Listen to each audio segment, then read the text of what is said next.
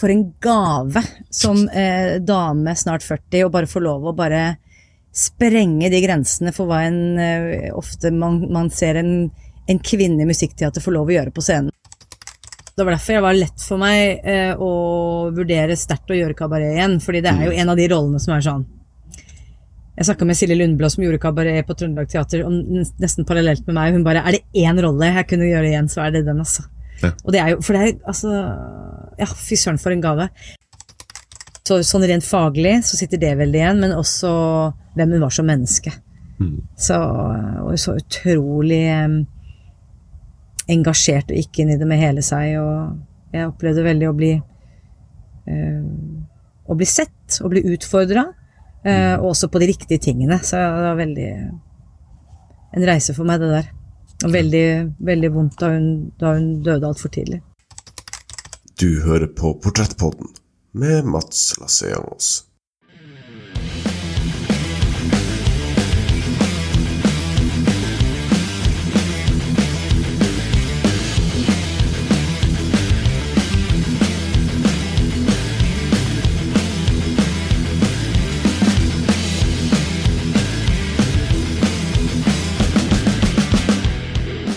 Det stemmer. Du hører på Portrettpodden. En podkast hvor jeg intervjuer mennesker som inspirerer meg, som får meg til å tenke, og som hjelper meg å forstå mer av verden jeg lever i. Mitt navn er Mats Lasse Jangås, og sammen med min gjest, musikalskuespiller og sanger Ida Holten Worsø, skal vi være stemmene i hodet ditt den nærmeste timen. Ida gikk rett fra fullført utdanning til jobb på Hålogaland teater i Tromsø, og kort tid etter ble hun fast ansatt som skuespiller. Hun er kjent fra forestillinger som A Lady Called Sven, som er en konsertforestilling om livet til den svenske jazzsangerinna Monica Zetterlund, og ikke minst hovedrollen som Sally Bowles i Kabaret, som hun spilte på Den nasjonale scenen i Bergen i fjor, nærmere 15 år etter hun spilte rollen for første gang. Ida er en av våre mest spennende vokalister, full av humor og stå-på-vilje og positivitet. En varme som spres til alle som er i nærheten av henne, sjøl gjennom en PC-skjerm. Det var en fryd å tilbringe litt tid sammen med Ida og ha noen å dele min udødelige kjærlighet for musikaler med. I løpet av denne episoden prater vi om kabaret i mange ulike settinger. Vi prater om musikalroller for kvinner 40 pluss, om Monica Zetterlund, om inspirasjon, om trua på seg sjøl og mye mer. Med det ønsker jeg dere riktig god fornøyelse, og her er Ida Holten Worsø. Ida Holten Worsø, altså de de fleste som kanskje hører på denne podkasten, eh, er vel hovedsakelig fra Tromsø og kjenner deg fra Hålogaland teater, der eh, Ja. du var i, i mange år. Um, Mm.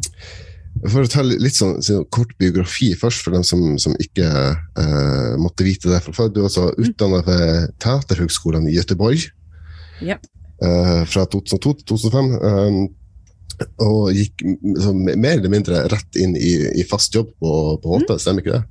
Jeg var, dro rett til Tromsø etter Göteborg, ja. Mm. Og så ble det fast jobb etter etter hvert av et års tid, kanskje. Ja.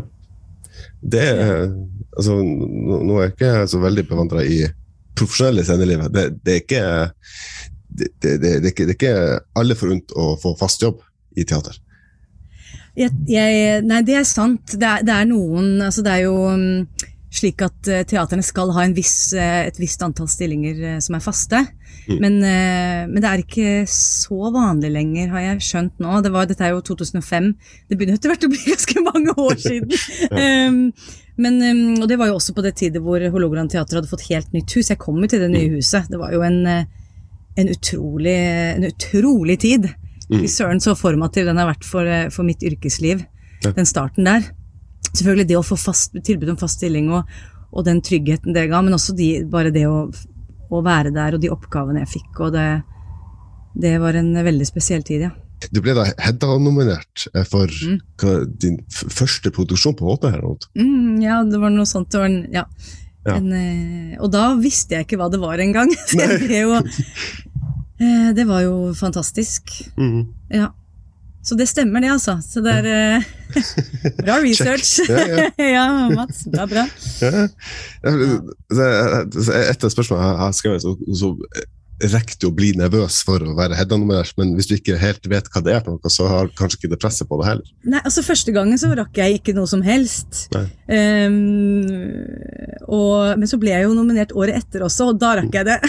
da, da um, var jeg ikke like uh, kul på det, tror jeg. Og jeg vant jo ikke noen av gangene, men det er jo klart at um, det er jo noe som liksom blir trukket fram da nå, altså det, så, mm. igjen og igjen. Og det er klart at det, det er jo Det var jo veldig stas å bli nominert sånn så tidlig i, i yrkeslivet. Absolutt. Ja, ja.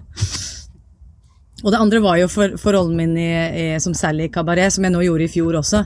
Mm. Så det har jo liksom fulgt meg så veldig. Det der, det, også det, kan vi jo, det kommer vi sikkert tilbake til, men også det, det skulle gjøre den rollen gang nummer to som ganske mye eldre også, var 14-15 år eldre enn da jeg gjorde det første gang. Mm. Som også var en, eh, en interessant erfaring. Ja. Mm. Nei, det var uh, Altså, de, de, uh, de oppgavene hva jeg lærte på Logaland teater Jeg var der jo i i seks år, kan jeg ta feil, før jeg da, han jeg var samboer med, da Jørn, Jørnbjørn eller Jørn Fullegi, som jo er fast ansatt nå på mm. Hålogaland teater. Eh, vi hadde jo permisjon og jobba med Jo Strømgren Kompani i en, litt, en, lengre periode. Som jo også var sånn en drøm som jeg hadde som vi, vi, vi tvang oss jo, liksom Irén som var sjef da, vi var jo vi, vi, ba på våre knær om å få lov å jobbe med Jo. Han var jo en av de første som satte sånn ordentlig sterkt inntrykk på meg da jeg, um, jeg gikk på, uh, på, videregående. Jeg gikk på musikklinja riktignok, men på musikkdansdrama da, så så jeg noen forestillinger han gjorde. Og, og siden den gang så var det liksom en sånn ting som hang veldig høyt for meg, at jeg ville jobbe med han en gang, og det fikk jeg også gjort. Og også turnert i, i land og strand og verden og Russland og Kina og med det kompaniet. Så, da, så vi var jo på Hålogaland teater fram til det og fikk jo fantastiske oppgaver. og Um, og grunnen til at jeg sa opp den stillingen, var jo Ikke ene og alene, men mye av grunnen var jo også min at jeg møtte Håvard her, da. Jeg, jeg er jo fra, fra, Viken, og var, jeg har jo flytta bare et steinkast hjemmefra der hvor jeg vokste opp nå, og det, hvor det, eh, med Håvard, da. Mm. Da, det, men det var vanskelig å si opp fast stilling, og det var og folk, det fikk jeg jo høre mye også, bare hva, hva, hva sa du at du gjorde? Du sa opp en fast stilling. og jeg som alltid har vært så trygghetssøkende, helt sånn vant til det liksom, ja, til det ekstreme, egentlig, mm. så, så, var det vanskelig. Mm. Ja. Å, bare for å ta det i tilfelle noen sitter og lurer på hvem, hvem er han Håvard? Det er altså, ja, det det, ja. uh, altså Håvard Bakke, som, som Ida er gift med, bare for å ha det på mm. on the record. Ja. ja. Um, for det, det, du, nevnte jo du er uh, oppvokst, født og oppvokst i, i, i Bærum, i mm. Viken. Um, det er på det, det hovedsakelig, Hvis man ser på CV-en din, hoved, det går hovedsakelig i musikkteater og de store Chicago ja. og kabaret og ja. Jeg er jo utdannet på, på, eh, det som heter, eller det som het en gang musikallinja ved Teaterhøgskolen i Göteborg. Og jeg er, har, har i, siden jeg egentlig siden jeg begynte. Jeg begynte jo med, med sang og, så, og, dans, og så ble jeg med i det som heter Bærum barneteater da jeg var tolv år. Og siden det så har jeg jo liksom dratt, blitt dratt mellom sånn, hva skal Jeg må spesialisere meg på én ting. Det, visste at det aldri skulle være dans, men, men liksom, skal jeg søke musikkhøgskolen eller teaterhøgskolen? Og det var sånn enten-eller for meg. Og så fikk jeg høre om denne skolen i Göteborg som var en en statlig skole med veldig små klasser, bare seks stykker i. og liksom, mm. ja, eh, For meg var det sånn veldig viktig. og eh, At vi skulle få god oppfølging, at den var statlig, at det liksom var tilnærmet lik Teaterhøgskolen i, i, i, Norge, da, som liksom var mitt største ønske. Og så kom jeg inn der. Jeg visste egentlig ikke hva jeg dro til. Jeg dro på opptaksprøve der. Og det kan jo ofte være en sånn god ting, at man kommer med ikke altfor høye skuldre. Og så kom jeg inn. Og da tenkte jeg ja, men da blir jeg potet, da. Da får det være min sånn greie. jeg var aldri helt, helt komfortabel med det. Så jeg, jeg, det var mange år hvor jeg ikke helt turte å innrømme at jeg hadde gått musikkteaterlinja. Det er jo, okay. Dette forteller jeg nok ikke for ofte, men, men, men etter hvert så har jeg med fanen høyt stolt godt liksom går jeg nå og sier at, eh, at jeg er, eh, elsker musikkteater i, mitt, i, min sjel, i mitt hjerte. Mm. Og nå har jeg også kunstnerstipend nettopp på å skulle utvikle musikkteater som sjanger, og det er jeg så stolt av. Jeg syns jo den, den, kunstformen er så god til å nå ut til et publikum, hvis man gjør det på ordentlig. Så ja, så ja musikkteater. Ja, det er liksom, og det, det, tror jeg nok er det jeg kommer til å fortsette å liksom spesialisere meg innen. Mm. Ja. Altså, det, altså, når du er ferdig utdanna i, i Sverige, så er, er det så har du den eh, skal ikke legge, legge ord i munnen din, men så mm. føler du på en sånn angst for altså, hvorvidt du eventuelt får jobb når du kommer tilbake ja. til Norge? For du er det er ikke nødvendigvis i det, det, det altså, som er det, for, nei, men, nei, nettopp. Altså, og angst var, er liksom fornavnet i hvordan jeg hadde det. der. um, de tre årene der uh, er uh, nesten litt som et svart hull. Altså, jeg var, altså, jeg, og det er liksom symptomatisk for hele sånn, skoletida mi fra jeg gikk på ungdomsskolen, at jeg har vært sånn ekstremt ambisiøs rundt å skulle få liksom være sånn toppkarakterer. Og, liksom. Mm. og også så da jeg kom på skolen der, så jeg jobba så hardt at jeg liksom ja. Nei, det, det, var så, det, var ikke så, gøy, rett og slett. Sikkert mange som har det sånn. Det er nok ikke unikt for meg. de årene, Man blir veldig i en boble, og den boblen er ikke Den gir deg veldig skyggelapper, da. Ja. Um, så det å få for meg å gå rett ut i jobb da, tror jeg var ganske essensielt for min trygghet videre, og at jeg, at jeg også ble henta inn på en institusjon hvor jeg fikk gjøre alt mulig. Mm. Um, mm. Jeg, var, jeg, var, redd, og, jeg, og nå, er, nå, nå, underviser jeg og holder foredrag og sånn for elever som både som har gått i Norge og i andre land og sånn, og jeg, jeg syns jo det er fordeler også med at det er så mange som blir utdanna. Det er jo det blir jo ofte sagt, og jeg sier det selv, at det, det, det, er jo kanskje for mange det er for mange privatskoler og kanskje for mange elever som blir pumpa ut i arbeidslivet. Det er ikke nok jobb til alle. Men samtidig så ser vi jo en, sånn nå, en, en trend som er både av nødvendighet, men også fordi eh, elevene har lyst til å lage egne ting. Og det å gå ut og, og, og, klare å stå i det å skulle bygge egne kompanier, lage egne forestillinger, eh, gjør at det blir et veldig variert eh, scenekunstliv i Norge. Da. Mm. Så det er veldig bra. Men innpass på institusjonene er jo eh, Det kan ikke jeg egentlig si. Jeg vet ikke om det fremdeles er luk, veldig lukka blikk mot Eller liksom veldig snevert blikk mot KIO. Men, eller altså Teaterhøgskolen i Oslo. Jeg, det vet mm. jeg ikke. Jeg ser at på de forestillingene jeg har vært på nå rundt om i, på Riksteatret eller på andre, andre teaterinstitusjoner, så er det, er det, flere fra andre skoler også enn bare Teaterhøgskolen ja. som, får, som får jobb. Pga. Sånn, noe som heter åpen audition. Og, mm. eh, det virker som det er en åpenhet for eh, folk også fra andre land. Men jeg kjente, jeg var nok redd ja, da jeg var ferdig selv. Mm. Mm. Og så var det en del tilfeldigheter og en del ting som gjorde at jeg, at jeg havna der med en gang. Og det handler jo om en lærer som heter Kjersti Haugen, som jeg hadde på Romerike, som skulle sette opp på Hålogaland teater, og så hadde jeg vært på en audition for teatersjefen, eh, teatersjefen Nils Jonsson på det tidspunktet. Rett før jeg skulle begynne på på, på skolen i Göteborg, så de hadde, de, begge to visste om meg. Så var det Ja, så det var liksom Det var litt sånn både flaks, men også at jeg hadde eh, Kjente de fra før da, og hadde liksom jobbet med dem. Mm. Mm. Ja. Så det var, det var sånn typisk uh, typisk teaterløp. Først videregående, så Romerike, og så ja, verden. Nettopp. Ja. Og så teaterhøgskole, eh, spesialisering på musikkteater. Mm. Eh, og så rett inn på institusjon, ja. ja. Og mm, Det er jo ikke det verste ja. løpet, det, altså. Nei, det er jo ikke det.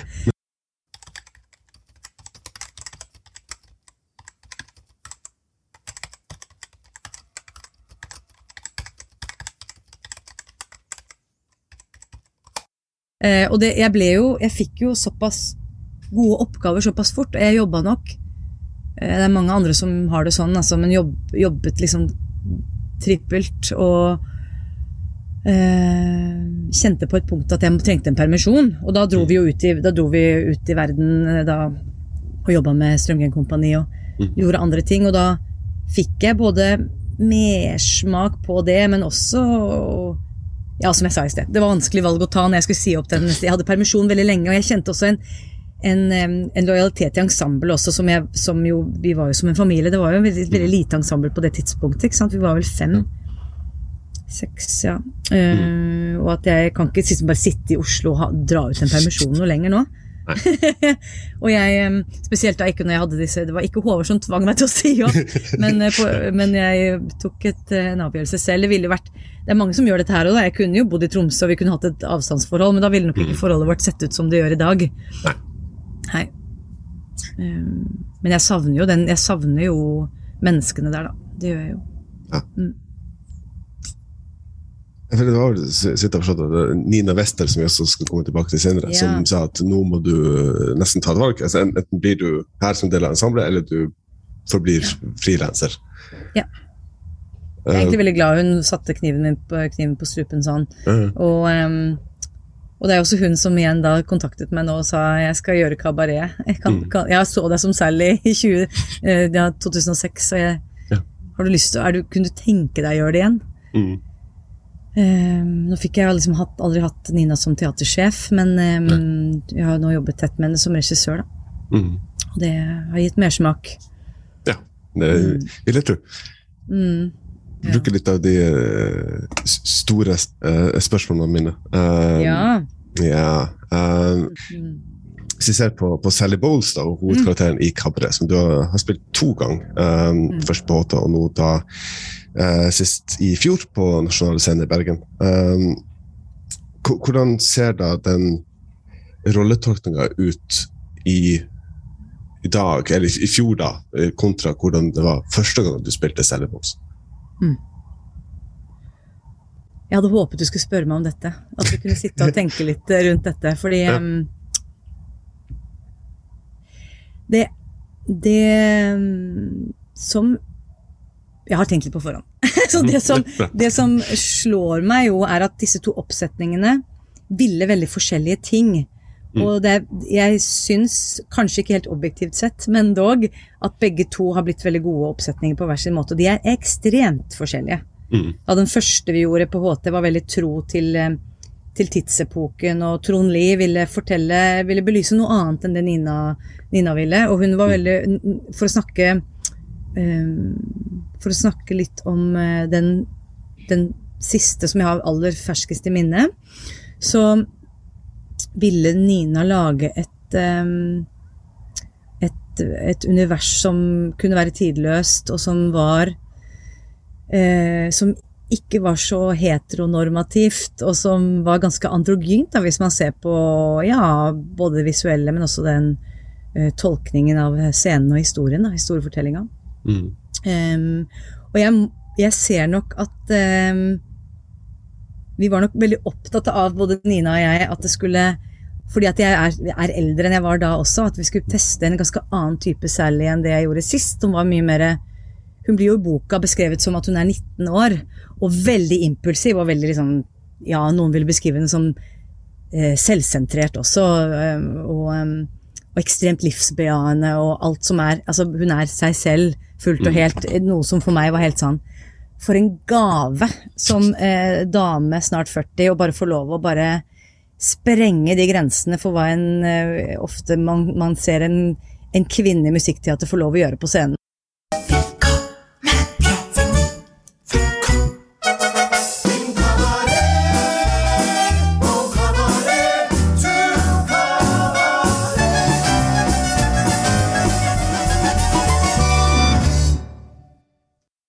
Så jeg gikk jo inn i det med, med hud og hår, eh, vil jeg si. Og jeg eh, fikk også en personlig oppvåkning gjennom det. Jeg kom hjem fra Bergen eh, og satt og hadde lange samtaler med Håvard som var her hjemme med hus og barn. Og, og jeg var sånn Det, det få være meg selv, meg selv 100 det er ikke, ingen vei tilbake. Jeg var helt sånn religiøs rundt det, og han eh, satt og liksom nikket. Og, mm, jeg hører hva du sier.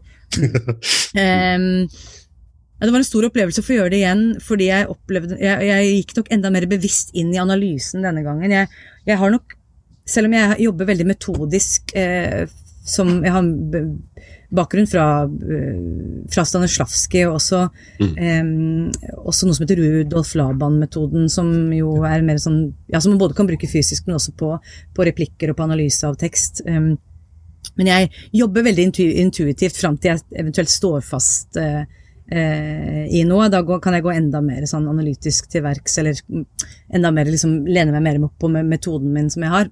Men nå gikk jeg Nå hadde jeg bestemt meg for at jeg jeg kan ikke gjøre den her en gang til uten å gå supergrundig til verks, verks analytisk. Så jeg jobbet masse med Jeg hadde en, også en fantastisk eh, eh, sånn én-til-én eh, eh, lærer eh, som jeg jobbet med eh, med en metode som heter Chubbuck-metoden. som Jeg skal ikke gå inn i detaljer på den, men, eh, men det var eh, fint å kunne gjøre det ved siden av i forarbeidet før, eh, før jeg skulle gå inn i rollen.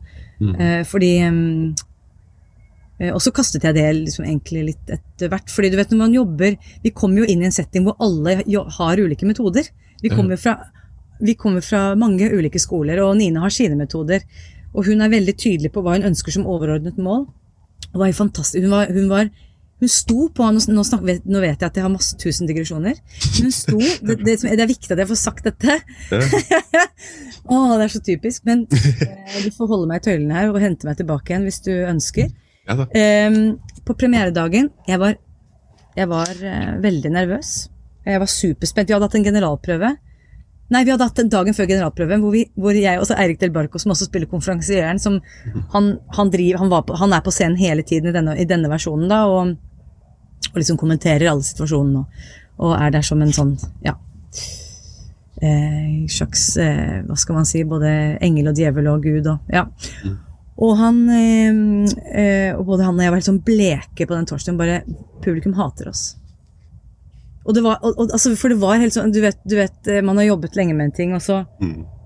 møter man publikum, og så spesielt når det er eh, Ja, dette er jo viktig uansett hvilken sjanger, men, men når det er um, en, hvor vi veldig sånn bryter fjerde veggen og snakker rett ut i publikum, og både koreograf og regissør hadde utfordret oss veldig på å ta tak i enkeltmennesker i salen og holde blikk og, og utfordre, men med varme, men allikevel utfordre folk eh, på den måten. Prøve å lage et ganske lite rom mellom sal og scene.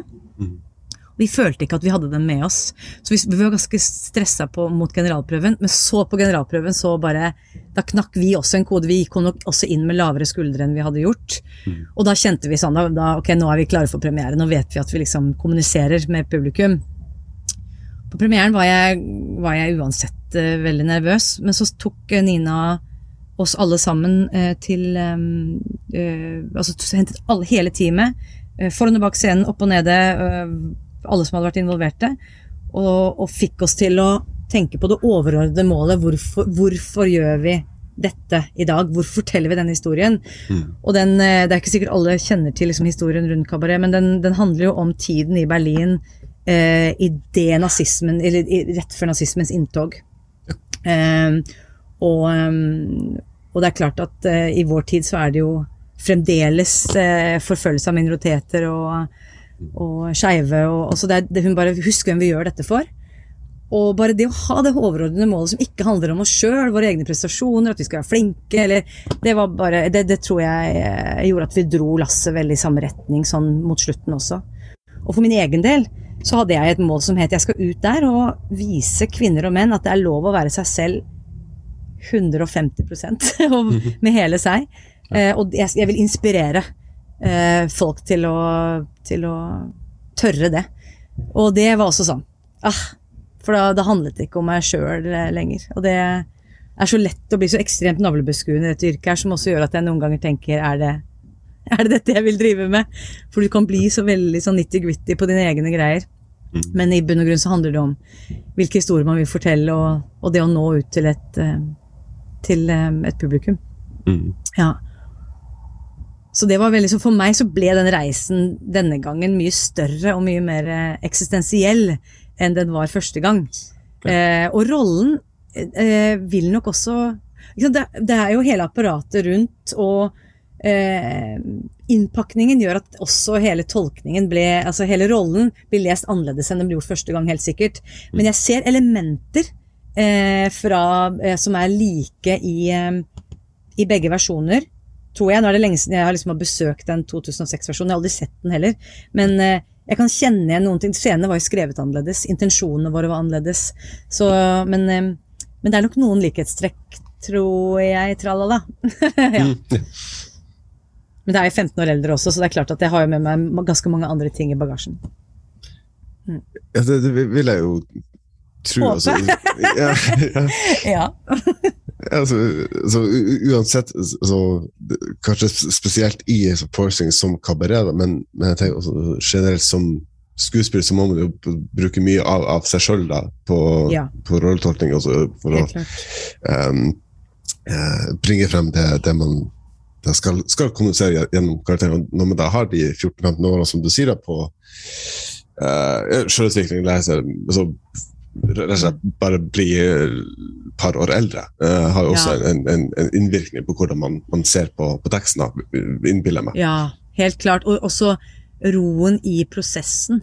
Jeg har jo snakket med flere eh, skuespillere i min eh, generasjon, også de som er eldre, og det er, jeg, det, ser- jeg ser nesten en litt sånn Det er selvfølgelig personavhengig òg, men, Ja. men jeg kan jo se fram til jeg, fram til jeg var i midten av 30-åra, så var jeg mye mer eh, opptatt av å være flink.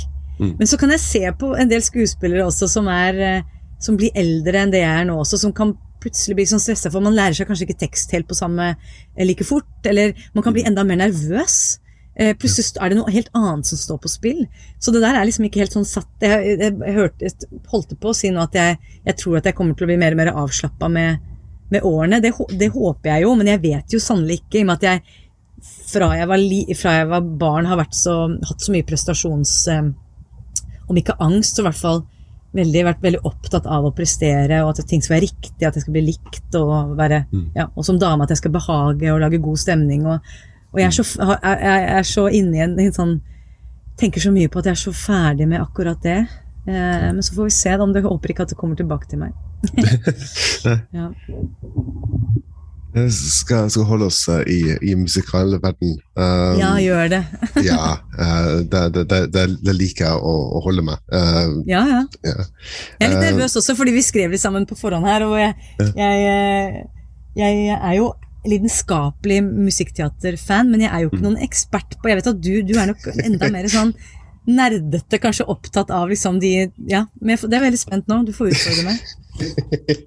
Jeg skal, jeg ikke utfordre deg på hvem som var scenograf på den, den sånn, forestillingen. ja, Men eh, nei, altså, det er jo det er en kunstform som jeg, jeg i hvert fall personlig mener er veldig undervurdert eh, når man tenker Ja, på, ten- på, ja. på Jeg er teater. nysgjerrig på hva du, hva, hva du tenker om det. Hva, hvorfor du liker musikkteater så godt. Ja, jeg har jo altså jeg har, vært, vært så heldig å være med i, i Grease uh, som Ja. am- amatør, amatørteateroppsetning, og på det her uh, altså, Når jeg drar til London eller til Oslo, så er det som da drar jeg for å se musikaler. Eh, for det, er en helt, helt unik måte å fortelle historier på. det at Man, man har så sterke følelser, man må bare synge. og jeg vet at eh, Din mann er ikke nødvendigvis så kjempefan å se på, men uh, han er Har han sagt det? ja, men han er gjerne med i dem. Uh, så, Mm. så Nei, ja. Men Jo, men det, akkurat det der kan vi godt snakke om, fordi ja.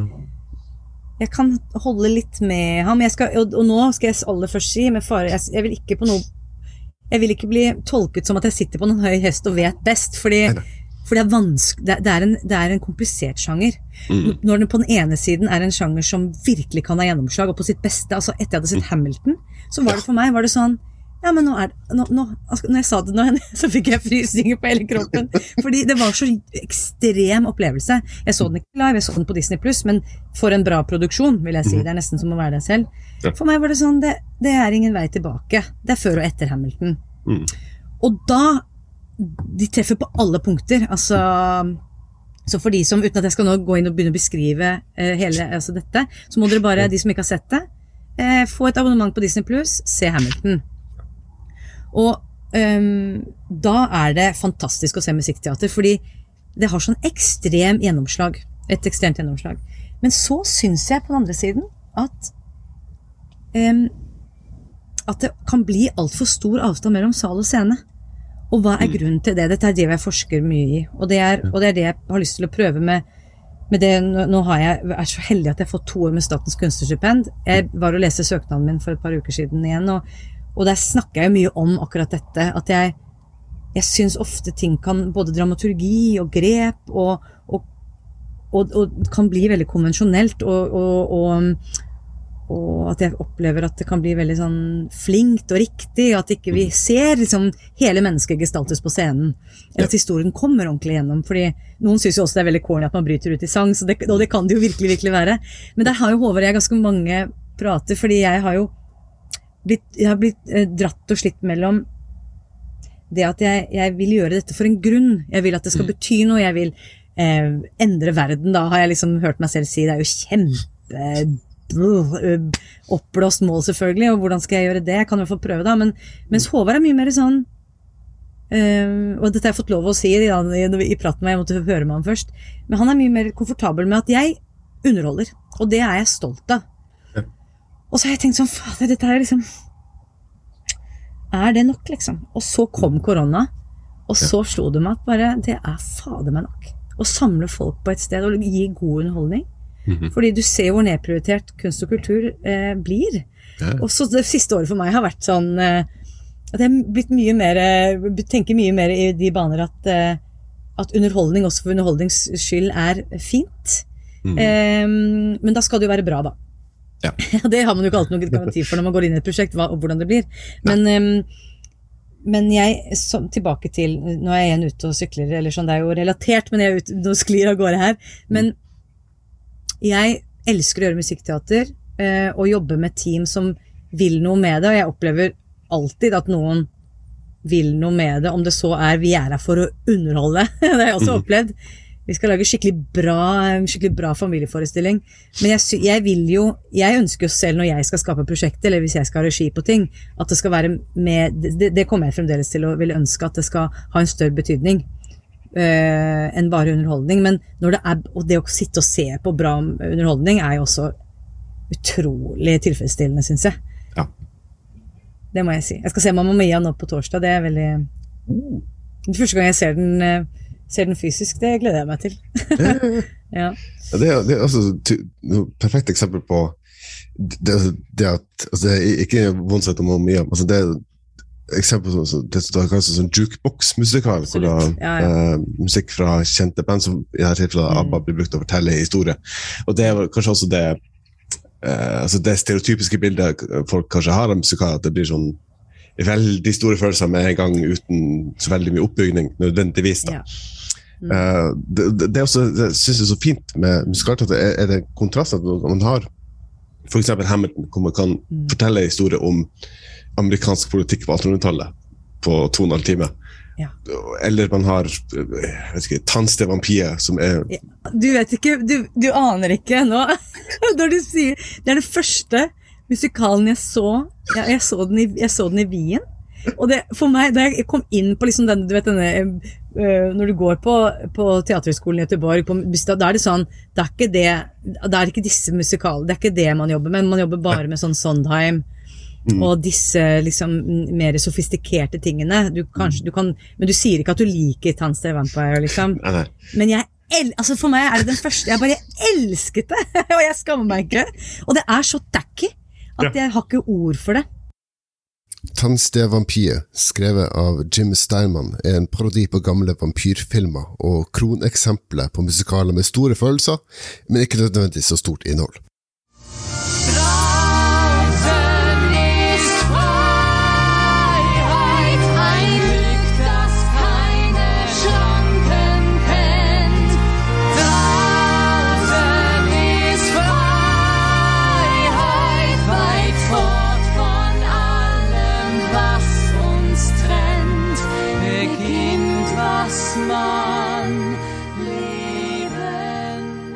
Kan aldri høre Bonnie Tyler på samme måte, men hva gjør vel det? Jeg elsker den!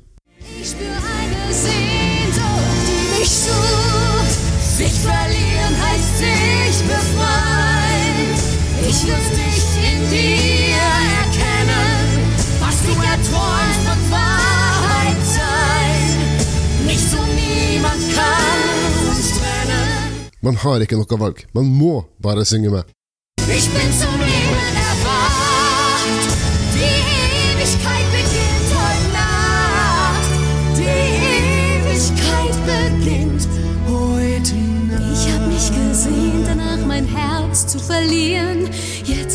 ich fast den Verstand.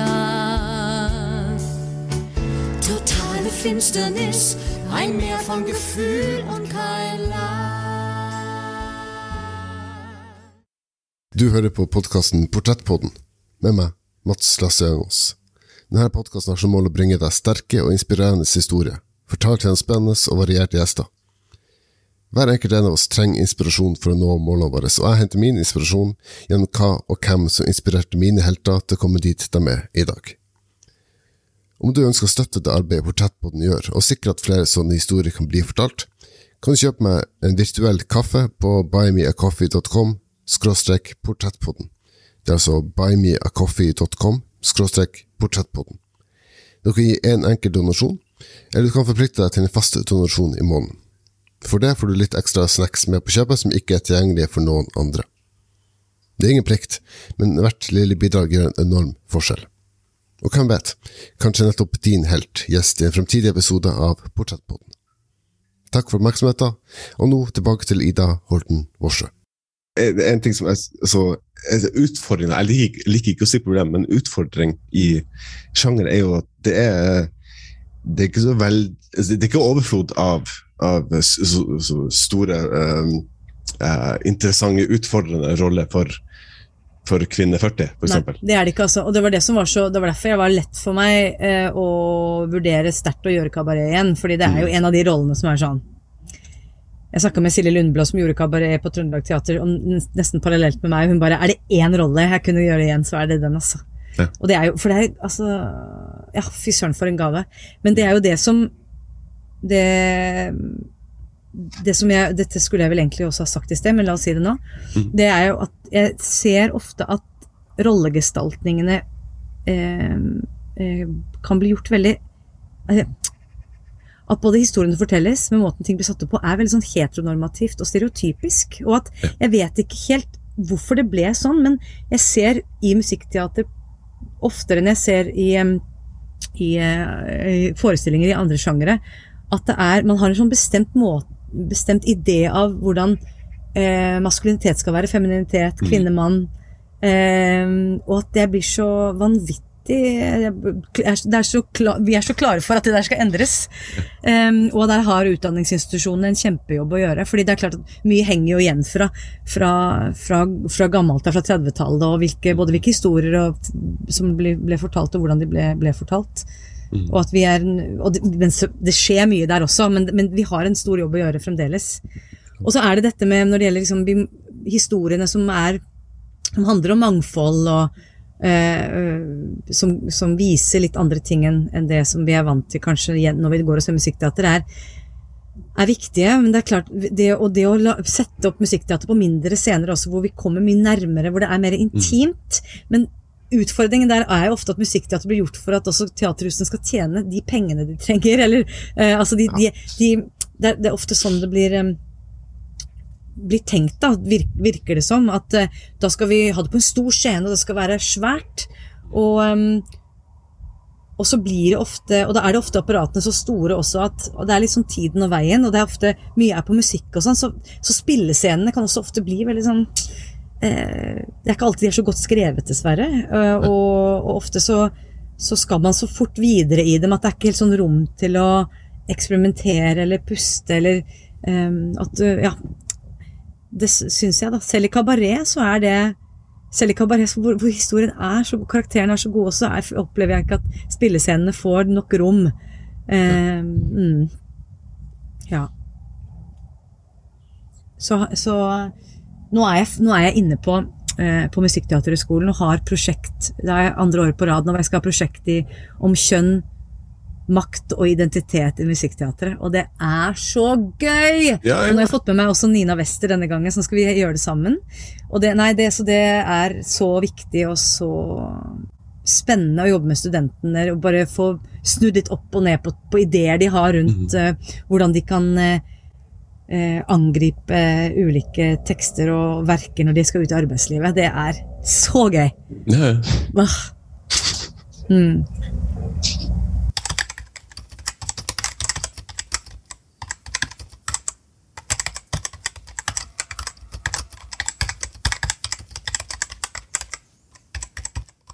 Noe av, noe av utfordringen kan man vel si når, når eh, dere satte opp kabaret i fjor.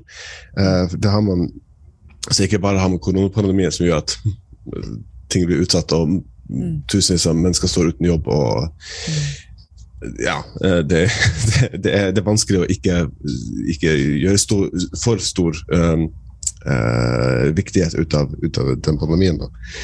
Men så har vi også uh, metoo-bevegelsen, som også har vært veldig viktig i kunst og kultur. Så hvordan, Mm. hvordan harmonerer man en forestilling som som kabaret, som er så veldig frittalende, veldig utfordrende, veldig øh, seksuell og, og Ja. by på kropp og sånt. Hvordan, hvordan harmonerer man det med en uh, metoo-bevegelse, f.eks.? Mm. Det er et veldig uh, fint, eh, fint spørsmål. eller fint å snakke om.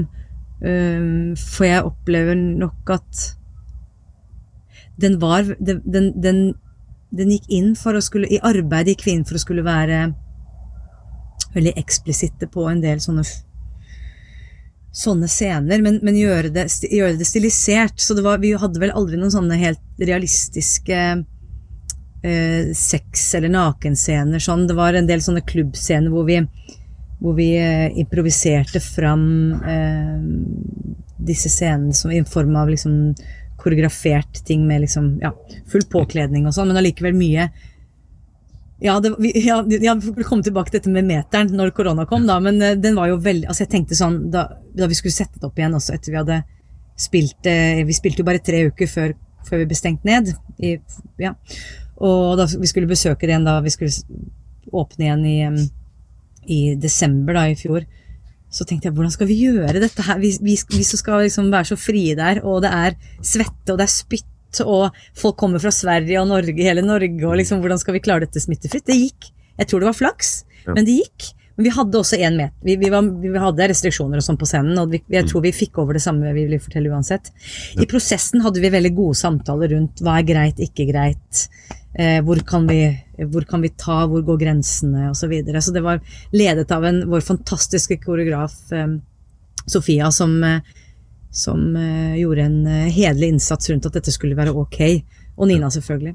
Um, og så var jo Universet var, eh, var veldig adrogynt, så vi all, Det var både kvinner som menn hadde ganske sånn like Vi hadde sånn svarte eh, bob-parykker eh, og liksom boots. Det var veldig sånn lite spill på Eller vi, le, vi lekte veldig med, med, med Hvis man skal si feminin eh, eh, seksualitet og maskulin seksualitet, eller være objekt eller subjekt. Og, eh, så vi Jeg tror vi alle sammen følte oss veldig sånn likestilte på scenen. Veldig sånn eh, horisontalt, liksom eh, eh, Makt, da. Det var veldig interessant å jobbe, å jobbe sånn. Um, men vi hadde veldig Og det jo, det, vi, ikke noen, sånn- vi hadde ikke noen intimkoordinator, vi, som det jo har vært mye diskusjoner rundt å ha på film. Men, eh, men, så da er det jo viktig at eh, arbeidslederne er eh, At vi har gode samtaler rundt, rundt i forkant når man skal inn i et sånt arbeid. For der har vi så ulike grenser. Og at vi har gode samtaler i etterkant også. Så eh, ja. Den prosessen syns jeg var veldig Vi hadde masse, gode, mange samtaler og lite tumulter og, og ugreie situasjoner, altså, så det var veldig ok. Ja. Men det er klart at det har jo vært en revolusjon og helt Altså, det er virkelig før og etter. Og det er så Ja. deilig at det er, at det er en samtale som, eh, som fins i rommet, og at den er helt liksom emosjonsfri eh, sånn i utgangspunktet. Da, at, det bare er, at det er lov å, å bringe disse tingene på bord til, til torgs. Da. Mm. Mm. Ja. Og så kom jo korona, da var det litt annerledes. Da, da måtte vi Det er jo faktisk ganske interessant å jobbe med avstand på scenen, fordi det blir en helt annen spenning. Veldig ofte så blir vi liksom sånn, kan vi bli veldig sånn kladdete oppå hverandre når vi skal gjøre intime ting, men det å faktisk strekke det litt ut Det er jo et, et relativt bred scene på DNS. Den er jo veldig intim, men allikevel ganske sånn ja, så, den, så, så det, vi, vi fikk brukt scene. Det var interessant å jobbe med et litt annet type ja, arrangement i scenerommet. Mm. ja. Det er for, for, godt høre.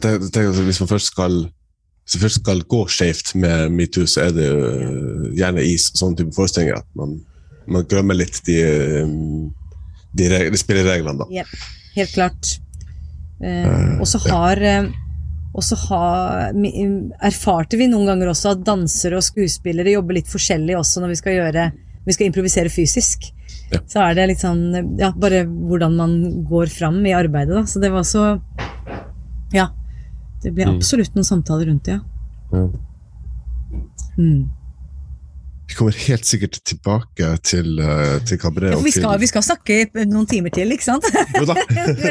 så trivelig. ja, da, jeg har, fram til eh, klokka ti i morgen tidlig. Så, Ja, bra. Ja, men så bra. Da Ja, ja, kjører vi. Ja. um, jeg vil- gjerne også prate litt om uh, Lady Kårdsvenn. ja. Uh, før, uh, før tida mi uh, renner ut her. Ja, gjerne det. Uh, det er jo da konsertforestilling om, om Monica Zetterlund, som er, om ikke kun Skandinavias største, så i hvert fall Nord-Europas største jazzsangerinne på, eh, på sin tid. Monica Zetterlund var en svensk sanger og skuespiller. Etter at hun hadde begynt å spille i svenske og danske jazzband, ble hun i 1960-årene verdensberømt gjennom samarbeidet med amerikanske musikere som Thad Jones, Zoot Sims og Bill Evans. Plata Waltz for Debbie med Bill Evans Trio blir fremdeles betraktet som en av jazzhistoriens klassikere. Hvor, hvor, hvor, hvor, kom eh, grunnideen fra? Hvor, og føler du på et press før du skal på måte eh, ivareta hennes uh, ettermæle, for å bruke store Ja. ord? Hmm. Um, dette uh, Nå skal jeg prøve å gjøre en relativt lang historie kort. For, uh, og den har jeg jo fortalt før, så jeg burde klare å gjøre det kort.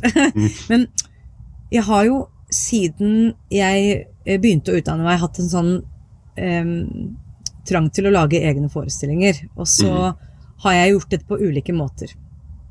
Ehm, nå ser jeg jo hvordan jeg lager en egen forestilling nå, er helt, tenker jeg helt annerledes enn jeg gjorde for eksempel på det tidspunktet. Men, men det som skjedde, var at jeg eh, gikk på skole i Sverige, ikke sant. Og så Jeg kommer fra en bakgrunn med jazzmusikk fra både mor og far. Blitt oppfostra med Monica Zetterlund og Billie Holiday og Ella og hele, hele gjengen. Men my, veldig mye eh, Monica Zetterlund. Aldri hørt henne eh, live, men mye liksom, ja, vært veldig fan. Og så eh, begynner jeg på skole i Sverige, og eh, vår klasse, liksom, klasseleder og vår pianist i, han hadde spilt mye med Monica Zetterlund, så vi, når andre sto og jobba med sånn eh, Webber og Sondheim og sånn store verk, så sto han og jeg og spilte Settelund. og Hasse og Tage, gamle sånn svenske revyviser, og vi, liksom, vi holdt litt på med det, vi sånn på siden. Og så i 2005, den våren hvor jeg var, var, skulle uteksamineres, så døde hun.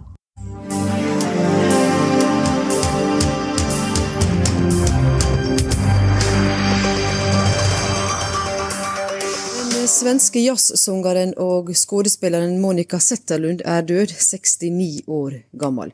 Hun omkom i en brann i husværet sitt i Stockholm i går. Zetterlund blir huksa som en stor sanger gjennom flere tiår. Monica Zetterlund var i de siste årene av sitt liv sterkt preget av ettervirkningen som følge av en ryggskade hun hadde pådratt seg som ung. Den 12. mai 2005 brøt ut brann i boligen hennes, og selv om hun ringte brannvesenet med en gang, så klarte de ikke å komme tidsnok til å redde ut den nokså bevegelseshemma 67 år gamle artisten. Det var landesorg. Det var helt eh, eh, Og det, det satte så nokså sånn inntrykk eh, på meg, det at eh, hun eh, var så elsket i Sverige. Og jeg skjønner Jeg vet jo at i Norge er hun jo også det, men jeg fikk en sånn Jeg skal hjem til Norge, og jeg skal fortelle hennes historie! Det var jo liksom um, Det hadde jo sikkert mange gjort før meg om å det var ikke sånn at hun var ukjent i det hele tatt i Norge, altså. Men jeg kjente en sånn Det, det er en bra Og så tenkte jeg nok det Hvis jeg skal gjøre noe eget ved siden av å være ansatt på HT, så er jo det for en fin ting å starte med. Og gjøre det med, med nordnorske oversettelser. Ja. Så jeg eh, Det var det første jeg foreslo for Nils Jonsson. da Jeg, jeg begynte vel å skrive den den sommeren før jeg skulle til Tromsø da. Og så la jeg det på pulten hans sånn i, mot høsten, sa jeg jeg vil gjøre dette. Og så sa han det er greit, gi meg et utkast. Og så begynte arbeidet. Og så sa han jeg har et forslag, hva om vi kobler på Marion Eilertsen? Og så var jo det Ikke sant. Det var jo Det var så smart, det.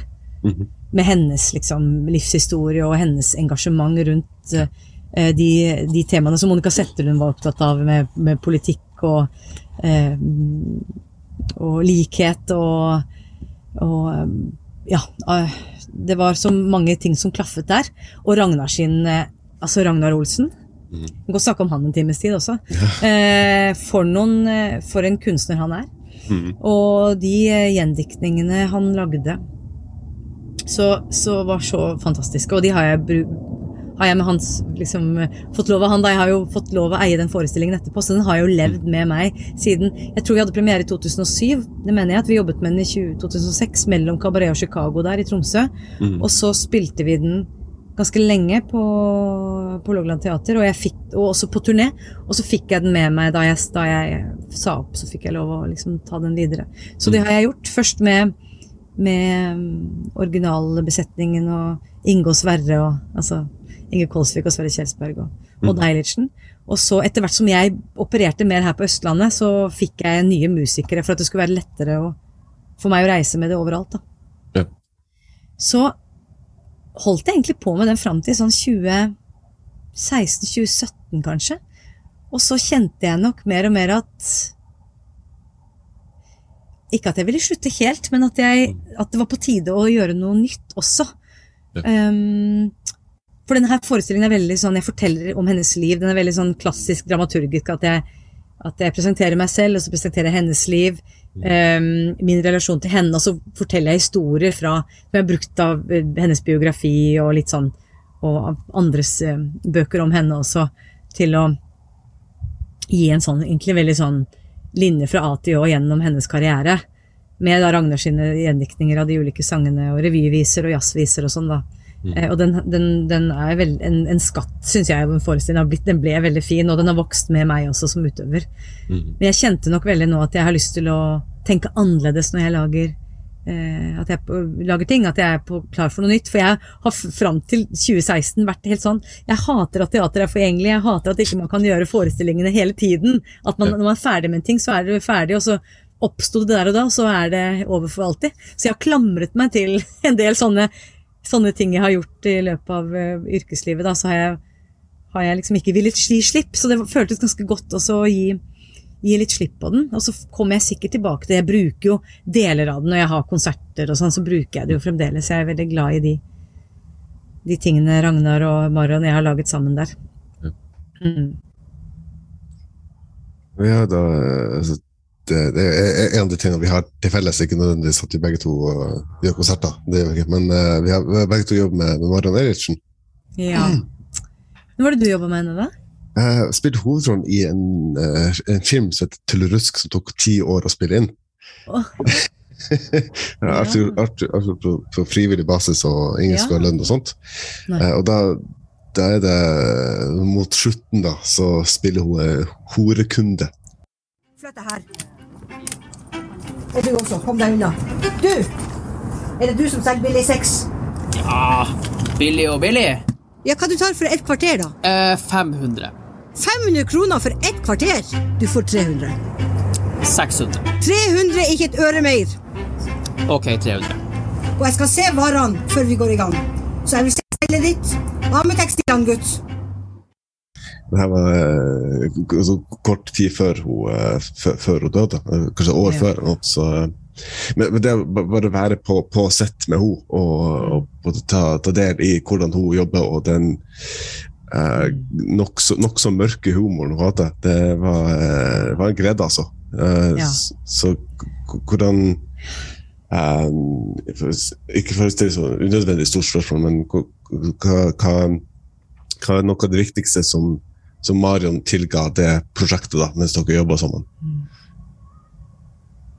Um, jeg Både som medskuespiller, når vi jobbet sammen før hun også ble liksom hadde, Var kunstnerisk leder på prosjektet, så, så lærte jeg veldig mye av henne rundt spesielt rundt um, tekstbehandling. Altså, ja. Eh, og også veldig inspirerende for meg å se hvordan hun For det var hun som klippet og limte og lagde Vi lagde det sammen, dette manuset, men hun hun hadde på en måte hovedansvaret og fikk litt sånn siste ordet rundt liksom, og, og velge ut ifra alt det som jeg ville ha med. Det var vanskelig for meg å, Og kill my darlings der.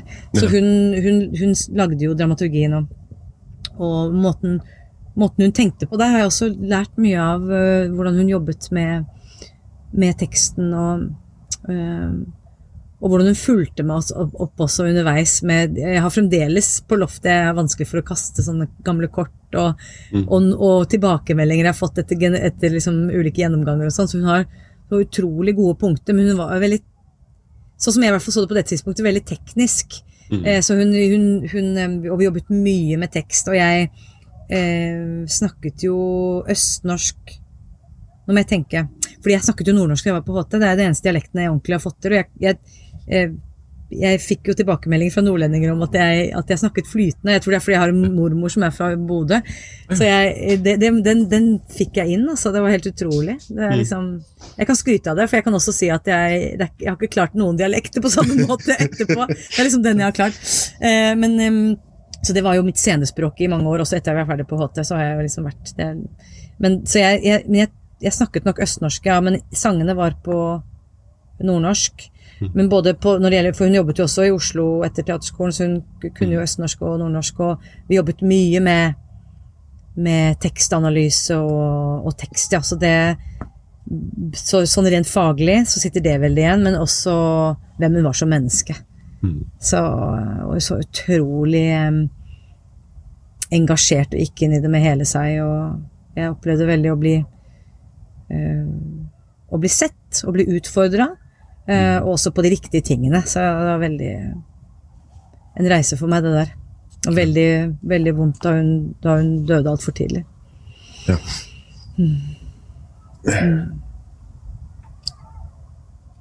Viktig person for meg der i de årene jeg var på Hålogaland teater. Det vil jeg tro.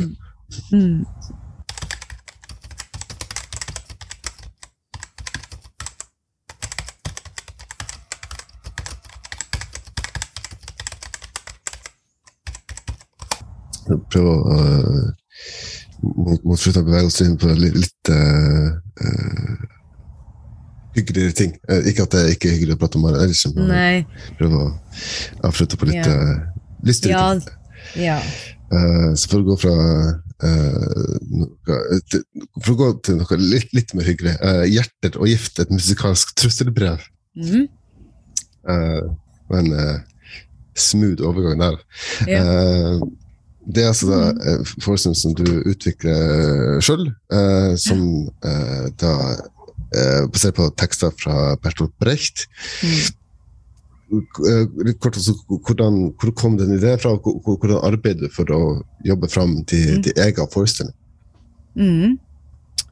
Uh, ideen kom da jeg, jeg Under korona så klarte jeg jo ikke helt å å bare liksom eh, Ja, før korona, da jeg, var i, da jeg var i Bergen, så tenkte jeg nå er jeg, nå er jeg ikke hjemme med familien, nå kan jeg studere. Så jeg tok eh, motivasjonspsykologi først, og så dramaturgi ved Universitetet i Bergen.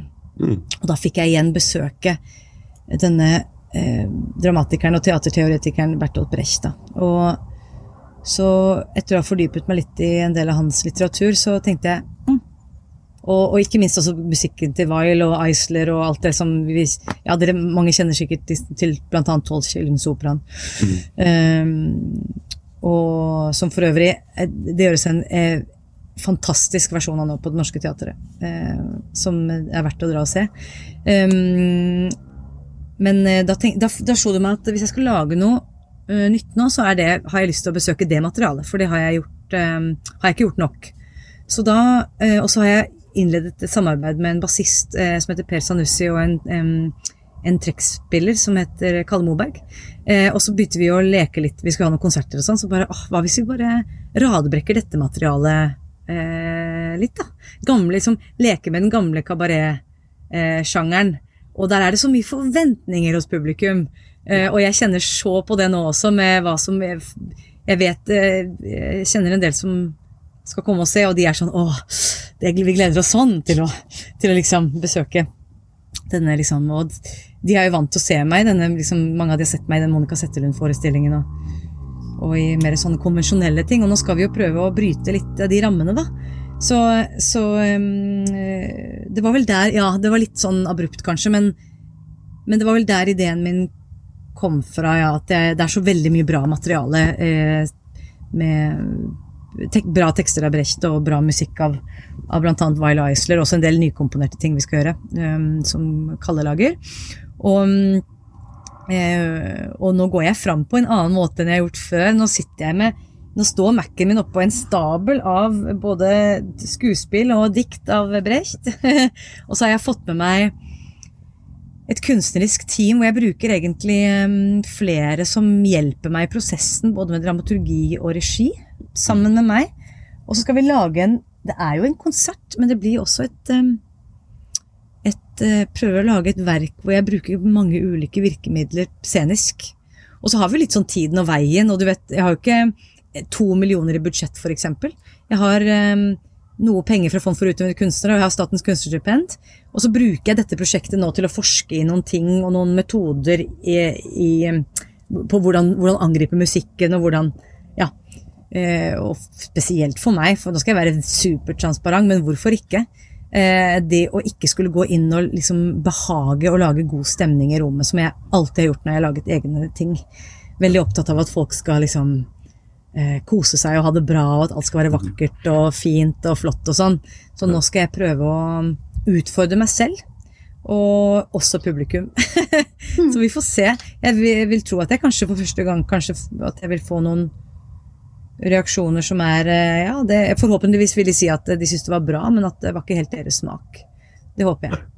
Men at de ja det, det, det, ja, det håper jeg, for jeg har vært så opptatt av at alle skal like alt og sånn. Det er så slitsomt. Ja. Så prøve å være litt mindre mm, konvensjonell, og, og så for, altså, da, Og da går jeg ut ifra min, min egen min, hva jeg har gjort før selv, da, for det er jo klart at jeg jeg vet, jeg vet jo ikke altså Hvis man ser det i det store bildet, så er det sikkert mange av disse tingene som for mange vil være helt liksom Ja, sånn scenekunst som de har sett før. Men jeg vil jo nå teste eh, de neste årene og lage mindre eh, forestillinger som ikke er nødvendigvis står, hvor jeg ikke nødvendigvis står på scenen selv. Altså jeg har lyst til å jobbe mer mot å ha regi. Og bygge et, eh, et kompani, eller ulike kunstneriske konstellasjoner som setter opp uh, musikkteater. Gjerne ting som er nyskrevet. Så jeg har en liten liste nå. Der skal jeg ikke være så transparent, for jeg vet ikke helt enda hva som blir noe av. Men um, jeg er nå i noen prosesser nå som um, hvor jeg um, uh, hvor jeg håper at disse tingene blir noe av. At jeg vil appellere til litt ulike publikumsgrupper. Og jeg vil jo, jeg, og, og nå, jeg er jo der hvor jeg til tider har lyst til å, i denne forestillingen også, eller denne konserten, vil absolutt underholde få folk til å le, men også at vi skal gå inn i det eh, dypeste mørket, og også at jeg har lyst til å utfordre folk både på eh, det de ser og det de hører.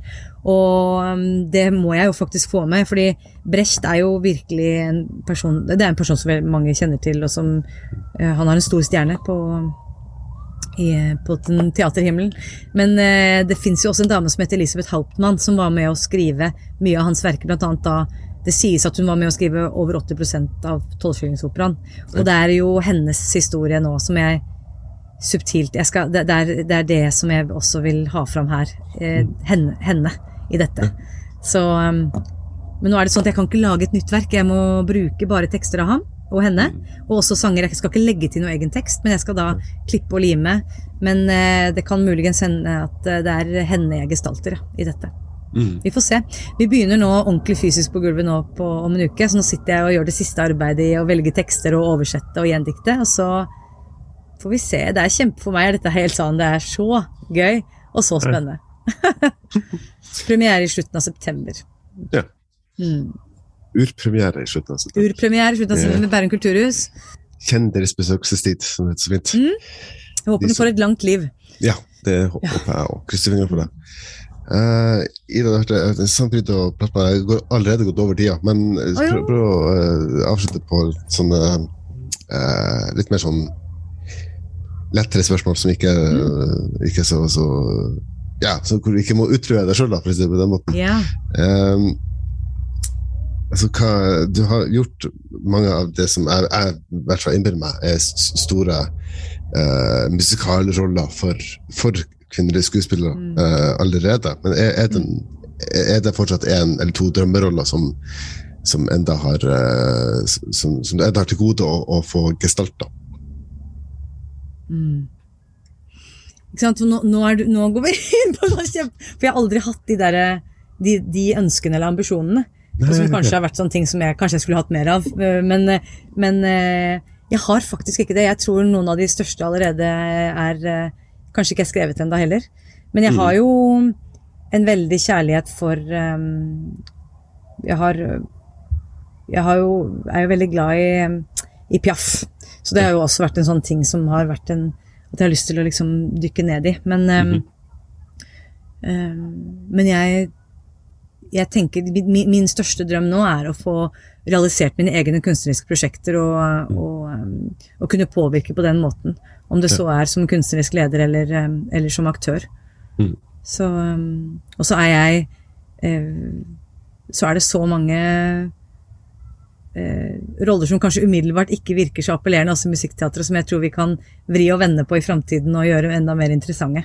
Både for kvinner og menn. Så jeg er åpen for det som kommer min vei, altså. Mm. Så lenge kunstneriske eh, team eh, har gode intensjoner med det de skal. Ja. Jeg er eh, Ja. Jeg er spent på framtida, altså. Det er eh, masse, mange, mange muligheter. Mhm. Helt, helt slutt, hvis noen skulle hatt en musikal om ditt liv, eh, hva, hvem, hvem ville spilt deg, og hva ville vært hovedfokuset i historien? Hva sa du? Hovedfokus? Ho ho hovedfokuset, den røde linja i historien, og, og hvem skulle da spilt uh, Ida Holte Morse? Åh! Mats! Der ble det stilt, gutt. Å, guri land. Ja, altså det Jeg, har jo, jeg er jo nesegrusbeundrer så, så, um, så mange. Men mm. jeg tenker altså nå, nå, skulle jeg, nå skulle jeg faktisk veldig gjerne gestaltet den selv, altså. Ja. Skulle jeg gjerne, ja, Hvis det er lov å si. Sånn, Det er lov å si. eh, Ja, og jeg, da, da Ja. Og jeg tror egentlig Jeg tror den mest spennende historien er eh, den som begynner nå, som fortsetter til jeg Til jeg går ut av denne verden. Til den store søvnen. Så eh, det ville vært interessant, egentlig, å skrevet, eh, skrevet musikkteater om seg selv. Jeg er veldig, nav veldig navlebeskuende, egentlig, men jeg hadde jo håpet at det var for at andre skulle kunne dra noen eh, Lære litt, eller dra noen eh, ja, bruke mine erfaringer til noe større, men, men eh, at man kunne leve og, og skrive det samtidig, og se hva som trakk veksler på hva. Det hadde vært interessant. Eh, Ja. kommer alltid spennende, spennende nye ideer gjennom den podkasten her. Ja. Nei, jeg skal, jeg, får- jeg skal, det der skal jeg tenke, du, Der satte du Det var et kult spørsmål. jo, takk. Uh, så skal jeg tenke på, så skal jeg Gjør det, så får du komme kom tilbake eh, i en Neste, annen- på, neste episode. Neste podkast. Nei, men takk, takk for praten, altså. Det var gøy. Ja, like måte.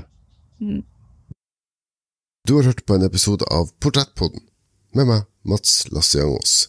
Og min gjest denne episoden var skuespiller og sanger Ida Holten Vorsø. Min takk til Ida for at hun ønsker å være med i denne episoden. Har du gjort deg noen tanker mens du har hørt på? Har du ris eller ros eller tips du ønsker å komme med, så kan du rette deg til Portrettpodden sine Facebook-sider, eller på e-post til portrettpodden alfakrøllgmail.com. Altså portrettpodden at gmail.com. Husk at du også kan finne Portrettpodden på Instagram og på Twitter. Du kan støtte Portrettpodden på buymeacoffee.com, og fortell gjerne en venn eller to om denne podkasten. Alle lydklippene i denne episoden er benytta i henhold til sitatrett. Portrettpodden arbeider i henhold til Vær varsom-plakatens regler for god presseskikk. Takk for at nettopp du hørte på, og vi høres snart igjen.